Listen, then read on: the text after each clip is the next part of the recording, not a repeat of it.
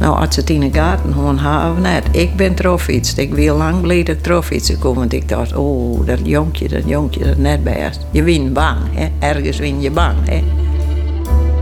Smokkelband, de podcast. Verhalen van Joodse kinderen die ondergedoken in Friesland de oorlog overleefden.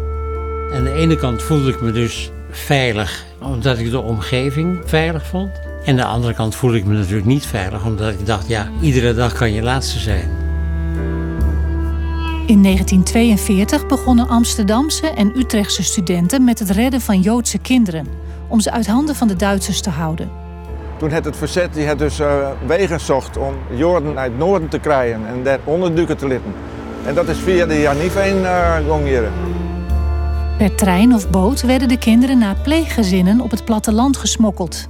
Mijn moeder kwam dus thuis en vroeg aan mijn vader. Ik ben teruggekomen met twee jongens van ongeveer 14, 15. Zullen we ze allebei houden? Nou, en dat is gebeurd. Honderden kinderen overleefden zo in Friesland de oorlog. In Smokkelband, de podcast, de verhalen van die kinderen. Hoe hebben ze die tijd dat ze ondergedoken zaten bij een Friese familie beleefd? En hoe ging het later met ze? Hij wil eigenlijk net als je echte mem had, want dat wist het jonkje net. Iemand zei, hechten om hem. Ja. Mijn vrouw zegt ook altijd, ja, ook al heb je het niet bewust meegemaakt, heb je er toch het een en ander van meegekregen.